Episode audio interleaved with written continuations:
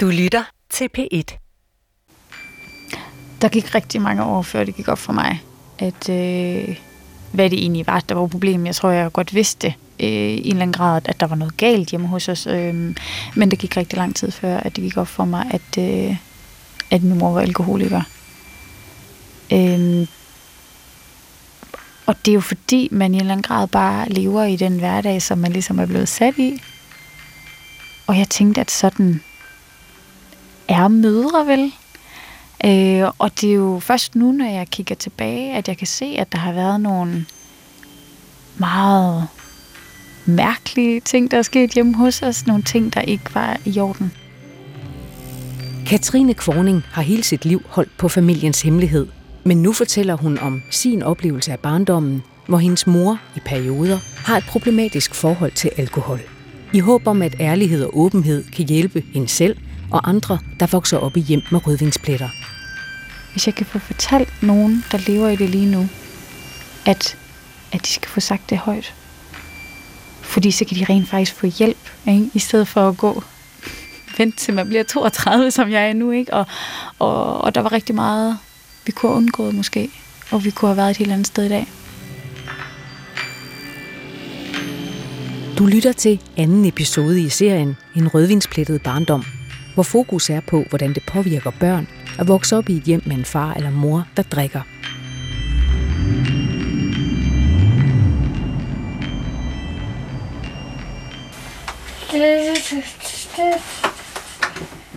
Du må låne låne. Ej, tak.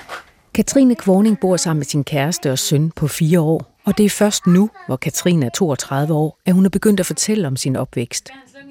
Hun har gennem længere tid tegnet sine oplevelser, først til skuffen, og siden marts 2019 har hun lagt tegningerne på Insta-profilen Flaskebørn. Den?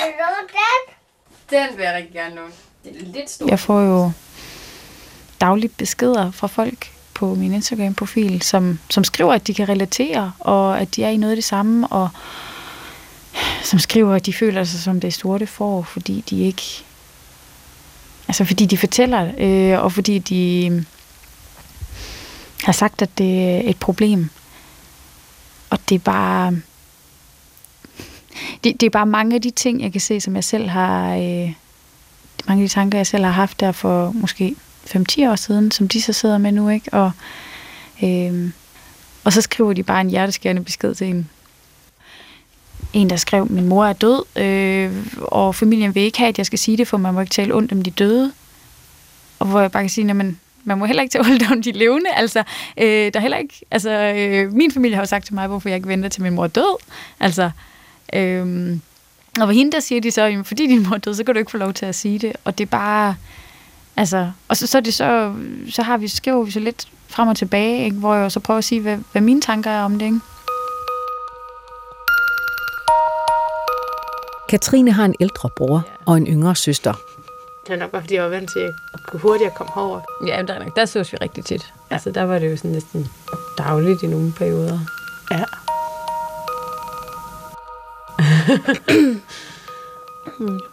Var dejligt. Anne-Sophie er fire år yngre end Katrine, og de ses så tit de kan.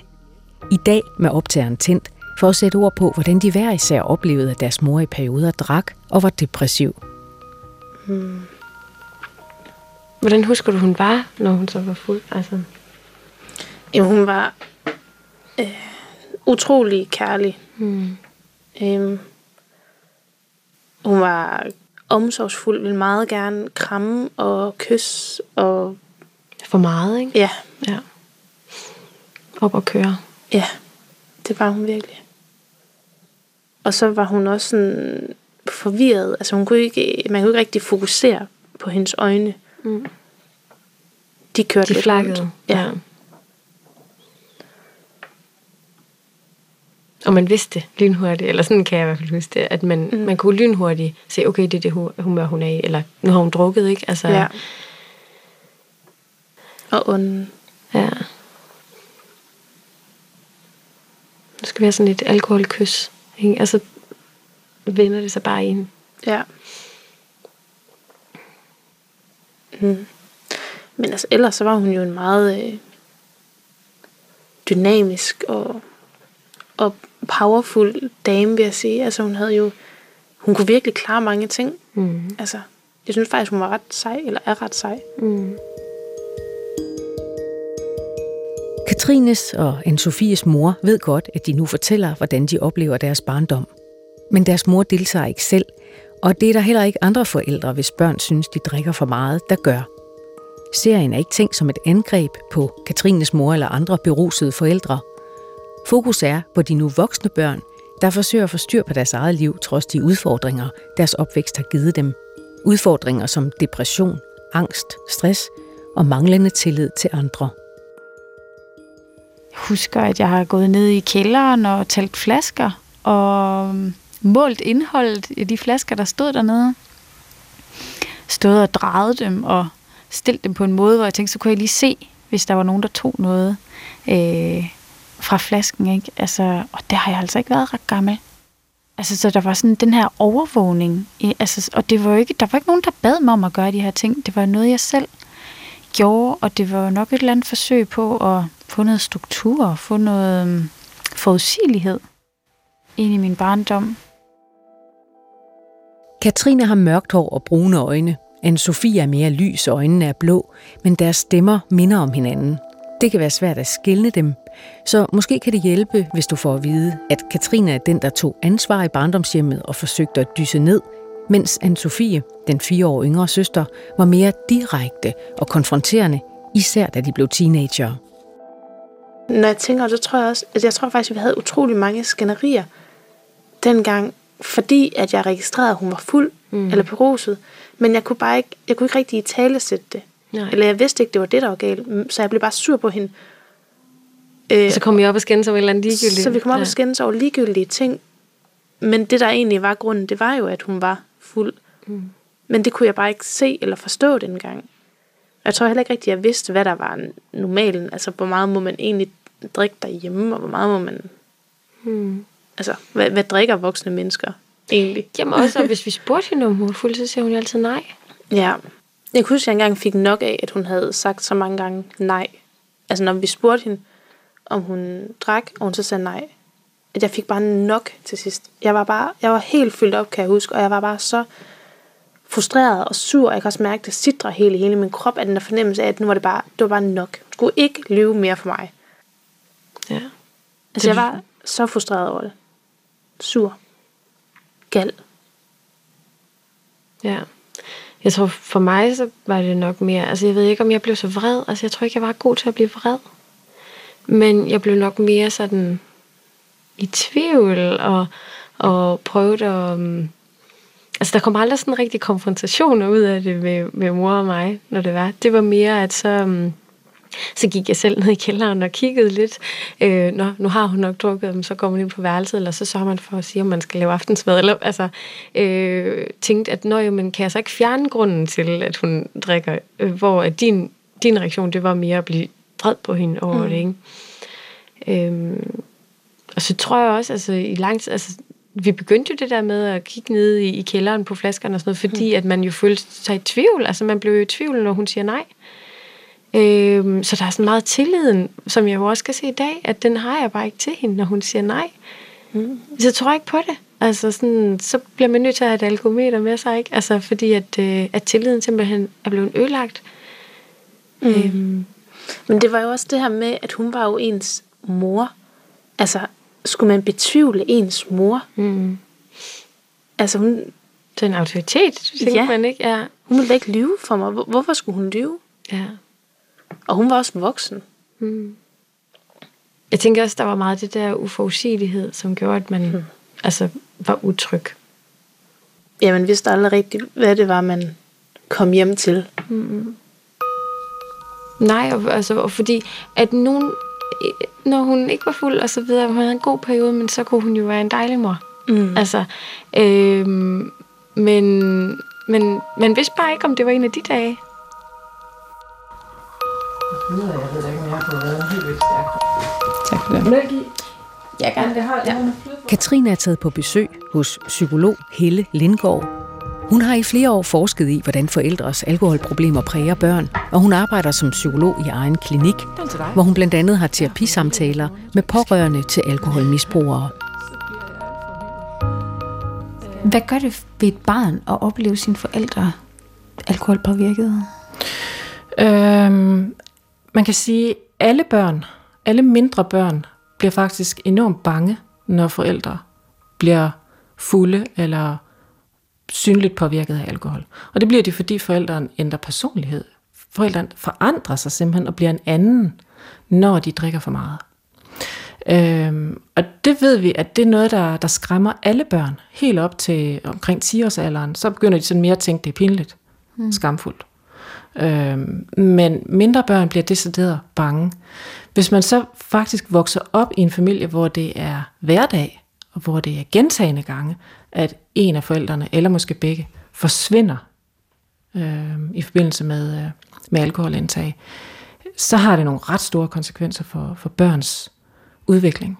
Og det betyder også, at det er i virkeligheden alt, der kan påvirkes hos børnene. Det er hele deres udvikling. Det, er, det er kognitivt, det er øh, følelsesmæssigt, det er psykisk, det er hele vejen rundt socialt i barnets liv, hvor der er noget, der kan blive svært for barnet i dets udvikling. Når, når børn vokser op på den her måde, så vil rigtig mange af de her børn opleve, at de mister tryg base, tryg tilknytning, en tryg voksen. Og når børn mister det, så mister de grundlaget for simpelthen at være til stede i deres egen udvikling. Øhm, og så er der rigtig meget, der kan gå galt. Mm. Helt konkret, når man vokser op med forældre, der drikker, og hvor det bliver benægtet, hvor barnet får at vide, det er ikke rigtigt, måske direkte, det her, det er ikke rigtigt, det du ser, det er ikke rigtigt, det du fornemmer, det er ikke rigtigt, det du hører, det er ikke rigtigt, det du mærker, så sker der faktisk det, at børn holder op med at stole på deres egne følelser, deres egne fornemmelser. Og når man mister det kompas på den måde, så mister man faktisk evnen til at navigere i sit liv, fordi man ikke har noget at hænge det op på. Altså, jeg kan huske i hvert fald, at jeg i høj grad var i tvivl om det, jeg oplevede. Altså, fordi jeg kunne spørge mor, om hun havde drukket, så sagde hun nej. Mm. Og så gik jeg ned i kælderen og prøvede at kigge, om jeg kunne se, hun havde, fordi, og, og jeg blev, altså jeg mistede lidt tilliden, men altså både til hende, men også til mig selv. Ja. På en måde. Ja, og det ser vi jo rigtig tit, det her med, at, at børn bliver så lojale, at hvis der står en mor eller en far, som har drukket, som lugter af alkohol, og som måske også opfører sig sådan, som de gør, når de har drukket, og det ved barnet, men som så siger, nej, jeg har ikke drukket, så vil barnet i sin loyalitet tænke, okay, det er mig, der tager fejl, fordi mor har ret. Og så kommer barnet simpelthen til at tvivle på sig selv, fordi der er noget, der ikke stemmer. Der er jo ikke overensstemmelse mellem det, barnet selv oplever, barnets egne følelser og fornemmelser, og det, som det får at vide af den voksne. Og det, der så sker på den lange bane, det er, at barnet i stigende grad begynder at tvivle på, jamen, er det overhovedet rigtigt, hvad jeg går rundt og, og, og mærker og, og fornemmer. Altså det er jo fuldstændig øh, afgørende, at børn er trygge ved den voksne. Det, det er ren overlevelse for alle børn, det er, at der er en tryg voksen. Så når barnet mister den trygge voksne, så rører det ved noget helt, helt dybt ind i, ind i alle børn. Øh, de bliver simpelthen truet på, på eksistens på en eller anden måde. Og det kan godt være, at de får mad på bordet. Det kan godt være, at der er madpakker og gymnastiktøj øh, hver dag. Men det ikke at have tillid og tryghed hos den nære voksne, det er virkelig helt fundamentalt øh, ødelæggende for et barn. Vil andre mig det godt? Ja. Egentlig. Ja. Godt, så er det melet. Vi skal bruge 600 gram, så hvis du bare fylder den der helt op, så tror jeg, det bliver rigtig fint. Det er i oktober 2019, og Katrine har sat sig foran computeren. Her ser hun kortfilmen Ida, der netop er publiceret og lagt på nettet. Filmen er fiktion og handler om pigen Ida, der bor sammen med sin mor. Det. Moren er sød og sjov, og forærer datteren en bluse og lægger glad op til, at de skal hygge og bage. Men datteren er ikke rigtig glad, for hendes tanker kredser om det monster, hun er bange for. Det ligner overhovedet ikke noget monster. Moren bliver frustreret over datterens manglende glæde og går ind ved siden af og trækker rødvin op. Jeg tager lige en pause, skat. Og så dukker monsteret op i skikkelse af moren med blå tænder, rød sprækket hud og rødvinsånde. Hun vil kysse og kramme og kravler helt tæt på den lille pige og lader hende vide, at det er hendes skyld, at hun drikker. Hold op. Det var en, en rigtig fin, rigtig fin film. rigtig fin beskrivelse af, hvad det vil sige at være barn af en alkoholiker. De viser det her med, at det jo ofte øh, er en person, som man har en kærlighedsrelation til også, ikke? Altså som man elsker. Øh, en mor, som man kan have det rigtig godt med. Men som så bliver det her monster, når hun så drikker, ikke? Altså at det, at det er nuanceret. Det er ikke en, en ond alkoholiker. Det er to sider af, af en person her. Det viser, at det er en, som man både elsker og hader i samme person. Fordi jeg tror, der er rigtig mange, der har det sådan. Det er jo, det er jo også sådan, jeg øh, har haft det med min mor. Ikke? Altså, at øh, jeg elsker hende rigtig højt. Men jeg hader den, hun bliver til, når hun drikker. Hold op. Det var... Øhm, den kan anbefales. Meget stærk film. Børn kan reagere meget forskelligt på deres forældres alkoholmisbrug. Nogle bliver stille og perfektionistiske. Nogle bliver såkaldte antennebørn, der tænker mere på andres behov end egne. Og andre igen bliver udadreagerende og vrede. Også Katrine og anne Sofie har opført sig forskelligt. Altså, jeg var i hvert fald den dygtige, pligtopfyldende pige, fordi det var bare den strategi, jeg havde kørt derhjemme. Jeg skulle få det hele til at glide, og lige sådan i skolen var jeg, altså fik lavet mine lektier og var en god veninde og sådan noget. For det var, altså, så på den måde kan man sige, man kunne ikke se, at der var noget galt øh, hjemme hos mig, fordi jeg virkede bare super sød og øh, velfungerende, ikke? Også fordi det var min strategi til at få det til at køre derhjemme. Ja, du var lidt skide irriterende. Alting skulle være så perfekt. Ja. Øhm, og jeg var nok sådan lidt mere um, rebelsk. Jeg blev sådan bygget en skal og en facade op, som jeg kunne gemme mig ind under. Øh, så jeg fik alting på facaden til at se fint ud. Øh, altså, sørgede for at have pænt tøj på, var i bad, øh, mm-hmm. lavede mine lektier. Jeg fordybede mig ret meget i, øh, i min skole med at forlade mine ting. Og øh, ellers så hang jeg ud med venner. Mm. Jeg, havde ikke, jeg havde ikke lyst til at være hjemme. Men du var meget ude med de venner, altså. Jeg var rigtig meget ude Og fik måske også lidt nogle... Jeg fik nogle dårlige venner. Ja. Ja. Øhm, jeg var rigtig god til at sige ting, og jeg var rigtig god til at distancere mig. Jeg var så ligeglad ja. med hele verden på det tidspunkt. Altså, og du var kold? Jeg var rigtig kold. Jeg var rigtig sur og vred og ligeglad. Og jeg, altså, jeg kom heller ikke til at græde. Mm. Jeg var ikke sådan, når jeg tænker på det nu, så var jeg ikke rigtig i kontakt med mine følelser. Mm. Dengang. Øhm. Men jeg havde rigtig meget vrede og power, øh, som ja, jeg kunne, jeg kunne bruge. Ja. Men jeg lukkede totalt af for mine egne følelser, mine egne behov. Ja. Jeg, kunne, jeg kunne både rumme min egen, og så også mors. Mm. Eller, eller jeres for den sags skyld. Fordi jeg vidste jo, at hver eneste gang jeg sagde noget til mor, hver eneste gang jeg konfronterede hende med de her ting, så gjorde hende ked af det. Det resulterede i, at hun drak. Det resulterede i, at du så skulle løbe hurtigere, handle mere ind, lave mere mad, gøre flere ting. Så det var sådan en ond spiral, mm. altså. Ja. Og jeg havde ikke lyst til at give dig mere arbejde, eller gøre dig mere ked af det.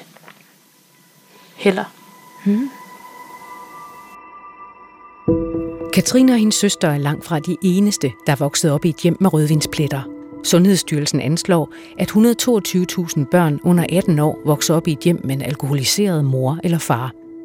I redaktionen har vi talt og skrevet med en række voksne børn alkoholikere i 20'erne og 30'erne for at høre, hvordan de har oplevet deres opvækst. Beretningerne er bearbejdet og indtalt for at undgå at hænge nogen ud. Min far er misbruger. Han er det, man kalder funktionel alkoholiker. Han har et 8-16 job og drikker en flaske vin og et par øl hver dag, når han kommer hjem. Da jeg var barn, havde jeg aldrig venner med hjem. Aldrig nogensinde. Jeg har fundet på løgne for, hvorfor de ikke kunne komme med hjem. Hvorfor mine veninder ikke kunne sove hos mig. Den slags. Min far er syg, sagde jeg. Eller sådan noget. Jeg kan huske en gang, hvor min mor har ringet hjem og spurgt, om min far var kommet hjem fra arbejde. Hvis ikke han var det, så skulle jeg hente min bror i børnehaven. Jeg er fire år ældre end min bror, så hvis han har gået i børnehave, har jeg jo ikke været særlig gammel. Jeg føler mig helt vildt svigtet. Han har valgt alkoholen frem for sine børn så mange gange. Jeg er skuffet og sur også. Min far var så fjern. Han var der, men han var der ikke. Jeg er kommet over det stadie, hvor jeg var ked af det. Jeg er vred på ham og på alkoholen.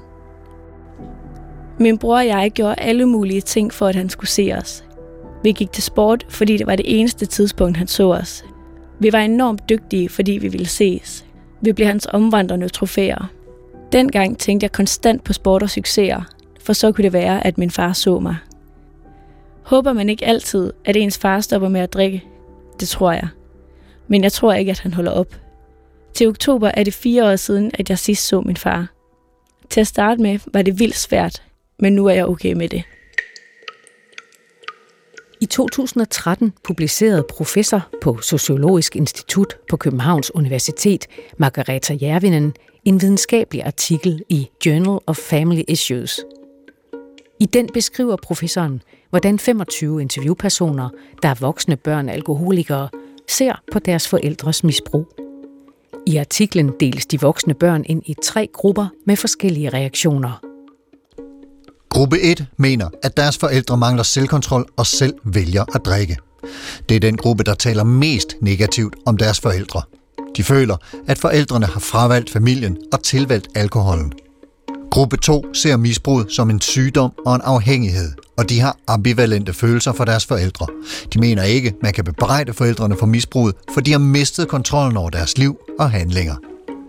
Gruppe 3 ser afhængigheden som socialt betinget, og de taler ikke kun om de negative oplevelser, de har haft med deres forældre, men også en del om positive ting. Denne gruppe viser mest forståelse og er mest accepterende over for deres forældres misbrug. Undersøgelsen blev ikke lavet for at generalisere alle voksne børn med alkoholiske forældre, men den viser, hvor forskellig barndommen kan opfattes, alt efter hvordan man ser på afhængigheden. Jeg synes, det er en rigtig spændende undersøgelse, fordi den kan jo med til at forklare, de her uoverensstemmelser, som kan være mellem søskende i familier med misbrug. Når jeg tænker på min søskende flok, så placerer vi os nok i hver vores gruppe. Og der kan undersøgelsen jo faktisk være med til at, at forklare, hvorfor vi tit er uenige. Øhm, fordi det simpelthen er en grundlæggende forskel i, hvordan vi opfatter øh, vores mors misbrug. Katrine spørger psykolog Helle Lindgaard, hvorfor hun selv og hendes søster reagerede så forskelligt på deres mors alkoholproblemer. Altså det man kan sige er, at, at, at børn, der vokser op på den her måde, kan have mange forskellige reaktioner på øh, den barndom, de nu engang er en del af, eller den familie, de er en del af. Og det kommer selvfølgelig an på, hvem man er som, som person, som menneske. Øh, men det kommer også an på nogle roller i familien. Og vi ser tit, at den ældste får sådan lidt en overansvarlig opgave og tager sig af de mindre søskende, og at de mindre søskende så får nogle mulighed for nogle andre roller. Øh, men overansvarlighed og, og øhm, og være enormt sød og nem, falde i med tapetet, sørge for, at der alt fungerer i familien, der bliver taget hånd om de ting, der skal for, at det, at det løber rundt, og det kan være en rolle at tage så kan der også være dem, der tager den udadreagerende rolle, som, som det lyder som om din søster har taget, som, som reagerer det udad i stedet for. Og nogle gange, så kan det udadreagerende barn jo faktisk også være den, der kommer til at blive symptombærer, som den, der faktisk lidt tager en for holdet. Øhm, fordi så bliver det sådan det sorte får, som faktisk kan komme til at bære og flytte fokus fra det, der i virkeligheden er familiens problem, til, jamen det er også det her barn. Øhm, og så kan der blive rigtig meget fokus på det. Og så kan vi lige lidt glemme, at det i virkeligheden handler om noget andet. Det er også en måde at bede om hjælp på, kan man sige. Der er rigtig mange af børn, som bliver udadreagerende, som faktisk beder om hjælp, og som på den anden side af det som voksne kan sige, hvorfor var der ikke nogen, der så ind bagved? Jeg tædede mig der fuldstændig åndssvagt, og ingen reagerede på andet end det, de så. Der var ingen, der begyndte at blive interesseret på, hvorfor er det egentlig, at Anton han kravler på væggene? Øh, kunne det være noget bagvedlæggende? Kort tid efter Katrine flyttede hjemmefra, kom Anne-Sophie på efterskole. Og bagefter flyttede de to sammen og fik deres mors misbrug og hendes depressioner på afstand. Da jeg flyttede hjemmefra, så vidste jeg jo godt, at jeg efterlod min søster derhjemme. Øhm, og, øh, og det var øh, mega svært, og det havde jeg ikke lyst til. Og jeg havde jo allerede altså, følt et kæmpe ansvar. Var det et svigt for dig? Ja, ja, altså... Så selvom jeg egentlig blev glad for, at du fik muligheden, så blev jeg virkelig, jeg blev virkelig gal på dig dengang. Jeg havde ikke lyst til at snakke med dig, da det var sådan, jeg fandt ud af det. Fordi at jeg nok følte mig lidt svigtet. Mm. For da du tog afsted, hvem var der så for mig? I næste episode handler det om, hvorfor børn af alkoholikere ofte kæmper med stress og angst, lavt selvværd og depression, når de bliver voksne. At være barn af en alkoholiker er en stresstilstand. Man er vokset op med uforudsigelighed, konstant i alarmberedskab. Er hun fuld? Er hun ikke fuld? Hvad skal man forvente? Oven i det, så har man også lært at, at navigere efter alle andres behov i stedet for sin egen. Du har lyttet til anden episode af En rødvinsplettet barndom. Medvirkende var Katrine Kvorning, anne Sofie Kvorning og Helle Lindgaard. Serien her er tilrettelagt af mig. Jeg hedder Mette Willumsen. Kortfilmen Ida er skrevet og instrueret af Parminder Singh. Den kan ses på nettet. Søg på kortfilmen Ida. Hvis du er mellem 14 og 35 år og har vokset op i et hjem med alkohol eller stofmisbrug, så kan du søge hjælp, rådgivning og terapi hos organisationen Tuba. Den har afdelinger i de forskellige landsdele, og du finder Tuba på nettet.